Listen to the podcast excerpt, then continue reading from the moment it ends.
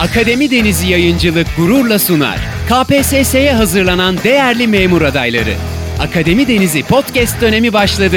Hem de bu eşsiz hizmetten faydalanmak çok kolay. Zaman ve mekan sınırı olmadan. Evde, işte, otobüste, kafede. Kısacası sizin olduğunuz her yerde Akademi Denizi podcast yanı başınızda. Arkadaşlar merhaba. Akademi Denizi KPSS vatandaşlık dersine hoş geldiniz. Bugünkü işleyeceğimiz konu temel hukuk bilgileri. Temel hukuk bilgileri KPSS sınavında ağırlığı olan bir konu. Genelde 2 veya 3 tane soru yer alır yıllık olarak bu konudan. Arkadaşlar temel hukuk bilgileri derken ilk olarak hukuk nedir? Ondan başlayacağız. Hukuk toplum hayatında kişilerin birbirleriyle ve toplumda olan müşterek ilişkisini düzenleyen ve uyulması kanun gücüyle desteklenmiş sosyal kuralları bütününü ifade eden bir kavramdır. Sosyal hayat düzenleyen kurallar nelerdir diye aldığımızda hayat düzenleyen kurallar, görgü kuralları, ahlak kuralları, örf adet kuralları, din kuralları ve hukuk kurallarıdır. Bunlardan hukuk kurallarının yaptırımı maddidir. Görgü, ahlak, din ve örf adet kuralların yaptırımı ise manevidir. Hukukta yaptırım türlerimiz var. Yaptırım kelimesinin bir diğer ismi müeyyide olarak geçer. Hukukta yaptırım türlerini 5'e ayırıyoruz. 1. Tazminat 2. Cebri icra 3. Ceza 4. iptal 5. Hükümsüzlük. 1. Tazminat nedir diye aldığımızda ise hukuka aykırı olarak başkalarına verilen zarar ödetilmesine tazminat denir. Ve maddi tazminat, manevi tazminat olarak da ikiye ayrılmaktadır. İkincisi cebri icra. Cebri icra ise borcunu yerine getirmeyen kimseyi borcunu yerine getirmeye zorlamadır. Zaten cebir zorla, icra yerine getirme olarak bildiğimiz kavramlar. Üçüncüsü ceza. Ceza ise kanunun suç işleyen kişiye uygulamasını öngördüğü yaptırımdır. Zaten hukukumuzda var olan bir kavram kanunsuz suç ve ceza olmaz demektedir. Dördüncüsü iptal. İptal ise hukuka aykırı olarak yapılmış bir idari işlemin yargı kararıyla ortadan kaldırılmasına denmektedir. Burada özellikle altını çizeceğimiz noktalar hukuka aykırılık olması lazım, idari bir işlem olması lazım ve bunun yargı kararıyla ortadan kaldırılmış olması lazımdır. Beşincisi ise hükümsüzlük. Hükümsüzlük ise bir hukuk işlemin kanunun öngördüğü şekilde yapılmaması halinde hukuki bir sonuç doğurmamasını ifade eder. Hükümsüzlük kendi içinde üçe ayrılmaktadır. Bunlardan A yokluk, B tek taraflı bağlamazlık, C butlandır. A yokluk diyoruz. Yokluk arkadaşlar bir hukuk işlemin kanunun öngördüğü kurucu unsurlardan en az birine uyulmaması halinde o işlemin hiç oluşmamış sayılmasıdır. Bir iş ve işlem yaparken o işlemin gerektirdiği kurucu unsurlar vardır. Bunlardan birisini eksik bırakırsak o işlemin hukuki anlamda bir geçerliliği söz konusu değildir. Bunu hukukumuzda yokluk olarak tanımlıyoruz. B. Tek taraflı bağlamazlık. Hukuki bir işlemin hükmünün diğer tarafın onayına bağlanmasıdır. Bunu örneklemek gerekirse arkadaşlar yapılan bir işlemde mesela 16 yaşındaki bir çocuğun yaptığı bir işlemin hukuki anlamda geçerliliği yoktur. Çünkü o çocuğun fiil ehliyeti olmadığı için buna imza atmaya veya bağış yapma yetkisi olamaz. Ondan dolayı çocuğun yaptığı işlemin geçerli olması için veli onayına tabi olmasıdır. Veya 40 yaşında kısıtlı olan bir kişi yüklü miktarda bağış yapmışsa veya vasi onayı olmadan bir sözleşme yapmışsa bunun geçerli hale gelmesi vasisinin onayına bağlıdır. Bu şekilde yetkisi olmayan kişilerin yapmış olduğu işlemlerin veli veya vasi onayına bağlı olmasına tek taraflı bağlamazlık kuralı diyoruz. C. Butlan. Butlanın kelime karşılığı ise geçersizlik demektir. Ve butlan kendi içinde ikiye ayrılır. Bunlardan A. Mutlak butlan B. Nisbi butlan diyoruz. A. Mutlak butlan. Bu bir hukuk işlemin kanun öngördüğü kurucu unsurları bulundurmakla birlikte kanunun emredici hükümlerine aykırı olmazdır. Burada altını çizeceğimiz nokta kanunun emredici hükümlerine aykırılık söz konusu olmazdır. Mesela medeni kanuna göre belli derecede akraba ile evlenmek yasaktır. Bilerek veya bilmeyerek böyle bir evlilik gerçekleşmiş olsa bu evliliğin resmi anlamda ortaya çıktığı ana itibaren devamı mümkün değildir.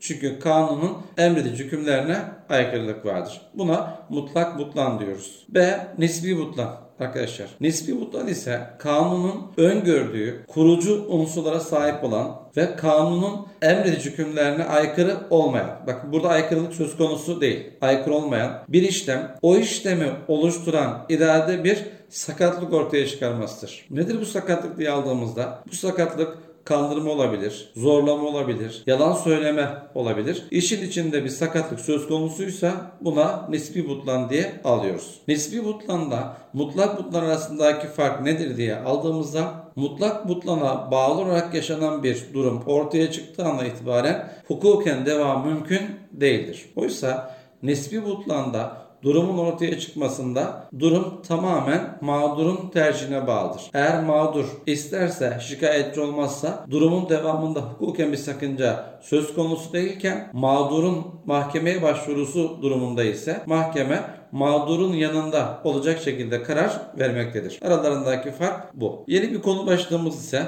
hukuk türleri. Hukukumuzda hukuk türlerini dört başlık altında almışız. Bunlar nelerdir diye aldığımızda A. Müsbet hukuk B. Mevzu hukuk C. Tabi hukuk ki diğer adıyla ideal hukuk D. Tarih hukuk olarak geçer. Dörde ayrılan bu hukuk türlerimizden A. Müsbet hukuk, diğer adıyla pozitif hukuk diye alıyoruz. Bu bir ülkede belli bir zamanda yürürlükte olan yazılı ve yazısız hukuk kurallarının tümüne birden verilen isimdir. Burada özellikle altını çizeceğimiz yer neresi diye aldığımızda yetkili makamlar tarafından konulmuş yazılı kurallar veya kendiliğinden oluşmuş olan örf adetlerdir. Yani yazısız kurallardır. İkincisi mevzu hukuk. Mevzu hukuk ise bir ülkede yetkili bir makam tarafından konulmuş ve yürürlükte bulunan yazılı hukuk kurallarının tümüne verilen isimdir. Burada pozitif hukukla mevzu hukuk arasındaki fark nedir diye aldığımızda ikisinde de yetkili makamlar var. Ama sadece yazılı hukukun oluşumunda yetkili makamlar vardır. Fakat mevzu hukukta yazısız kurallar yani örf adet olmadığı için şöyle bir soruyla karşılaştığımızda yetkili makamlar tarafından konulan hukuk kuralları deniyorsa bunun cevabı mevzu hukuktur.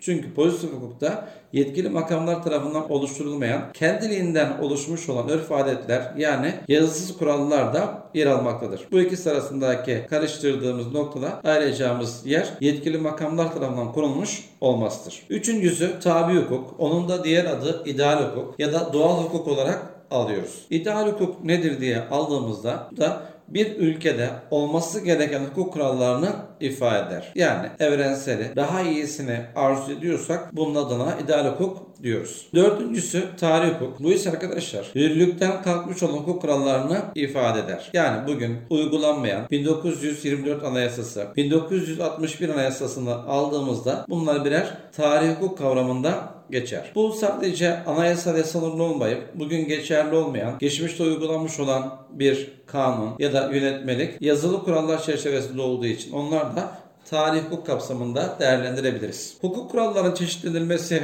konu başlığımıza geldiğimizde ise hukuk kurallarının çeşitlendirilmesini yine dört başlık altında alıyoruz. Onlardan da birincisi emredici hukuk kuralları diye alıyoruz. Nedir bu emredici hukuk kuralları diye aldığımızda bu kesinlikle uyulması gereken kurallardır. Aksine davranışta bulunamazsınız ve sözleşme yapamazsınız. Eğer sözleşme yaparsanız yapmış olduğunuz sözleşme geçersizdir. Aksine davranışta bulunursanız bunun cezasını çekersiniz. Bu çerçevede daha önceki yıllarda gelen bir sorumuzdu bu. Kesinlikle uyulması gereken kurallara ne denir denildiğinde cevabı emredici hukuk kuralları idi. İkincisi arkadaşlar tamamlayıcı hukuk kuralları. Bu ise tarafların sözleşme yaparken öngöremediği konulardaki uyuşmazlığı çözmeye yarayan kurallardır. İnsanlar kanunda belirtilenin aksine sözleşme veya işlem yapabilirler. Eğer kanunda belirtilen bir sözleşme veya işlem yapılmamışsa bu durumda tamamlayıcı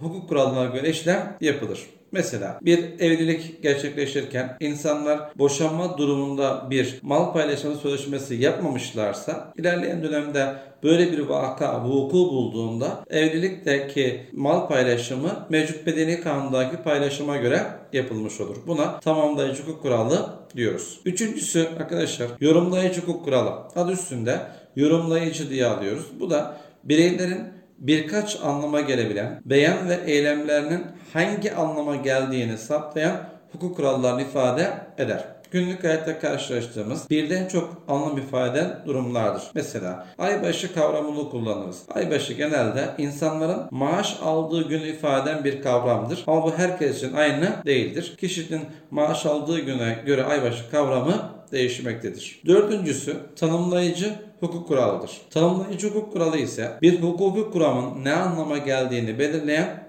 hukuk kurallarını ifade eder. Mesela Medeni Kanunu'na göre nişanlanma nedir diye alındığında kadın ve erkeğin evlilik öncesi yapmış olduğu işlemlere nişanlanma denir diye bir tanımlaması yapılır. Eğer ilerleyen dönemde bir sorun ortaya çıktığında buna göre çözümü yapılır. Bu şekilde tanımlayıcı kurallarını ifade etmiş oluyoruz. Arkadaşlar hukukumuzun kaynaklarına geldiğimizde ise hukukumuzun kaynakları ikiye ayrılmaktadır. A. Asli kaynaklar B. Yardımcı kaynaklar. Asli kaynaklar da kendi içinde ikiye ayrılır. Yazılı kaynaklar ve yazısız kaynaklar. Yazılı kaynaklar diye aldığımız kaynaklarımız ki buna normlar hiyerarşisi diyoruz aslında. En üstte anayasa yer alır. Onun bir altında kanunlar. Kanunların yanında kanunla eşit metinler ki bunlar uluslararası anlaşmalardır. Usulüne uygun şekilde yürürlüğe girmiş uluslararası anlaşmalar kanun hükmündedir. Ondan dolayı da kanunlu eşit metinler kapsamında geçerler. Cumhurbaşkanlığı kararnamesi, yönetmelikler, genelgeler hukukumuzdaki yazılı asli kaynaklar kapsamında geçer. İkincisi yazısız kaynaklar diye aldığımız ise örf ve adetlerdir. Örf adetler bilinen aksine yardımcı kaynak değildir, asli kaynaklardır. Fakat örf adetin asli kaynak olması için sürekli olması, genel inanış olması ve hukukilik unsurunun bulunmuş olması şarttır. Ayrıca yine vurgulamak gerekir ki ceza hukukunda örf adet hukukuna göre karar verilemez. Yardımcı kaynaklarımıza geldiğimizde ise onlar da ikiye ayrılmaktadır. Bir, doktrinler, ikincisi içtihatlar. Doktrin dediğimiz kavram, kelime, bilimsel görüş anlamına gelir, tez anlamına gelir. Bu herhangi bir konuda hukuk boşluğu varsa bu tür durumlarda o konudaki akademik anlamda yetkinliğine inanılan bir akademisyenden veya kişiden bilgi alınması ifade eden bir kavramdır. İkincisi ise iştihat. İştihatın kelime karşılığını aldığımızda aslında iştihatlar mahkeme kararını ifade eder. İştihada başvurabilmek için hukuk boşluğu olması gerekir. Yani hakim önüne gelen bir davada yazılı kurallara bakar. Yazılı kurallara karşılığı yoksa örf ayetlere bakar. Ondan sonraki aşamada boşluk olduğu takdirde iştihada başvurabilir. Bakın iştihada başvurur demiyoruz. Çünkü iştihatların bağlayıcılığı yoktur. Karar verici olan hakimler isterlerse iştihada başvurabilirler, isterlerse iştihada başvurmayabilirler. Ondan dolayı içtihatların bağlayıcılığı yoktur. Fakat içtihadı birleştirme kararları vardır. Yargıtay ve Danıştay yüksek kurullarının, genel kurullarının içtihadı birleştirme kararları ise yazılı hukuk kuralları arasında yer alır ve kanun gibi uygulanırlar. Onun için bunu toparladığımızda şöyle söyleyebiliriz. Normalde içtihatlar bağlayıcı değildir. Ancak Yargıtay ve Danıştay içtihadı birleştirme genel kurullarının vermiş olduğu içtihadı birleştirme kararları kanun gibidir, yazılıdır ve bunun bağlayıcılığı vardır. Arkadaşlar dersimiz burada sona erdi. Sonraki dersimizde görüşmek üzere. Hepinize kolaylıklar diliyorum. Bugün çıkmış olduğun memurluk sürecinde yeni şeyler öğrenerek hedefine biraz daha yaklaştın. Akademi Denizi Yayıncılık olarak her zaman yanındayız. Yeni bir derste görüşmek üzere.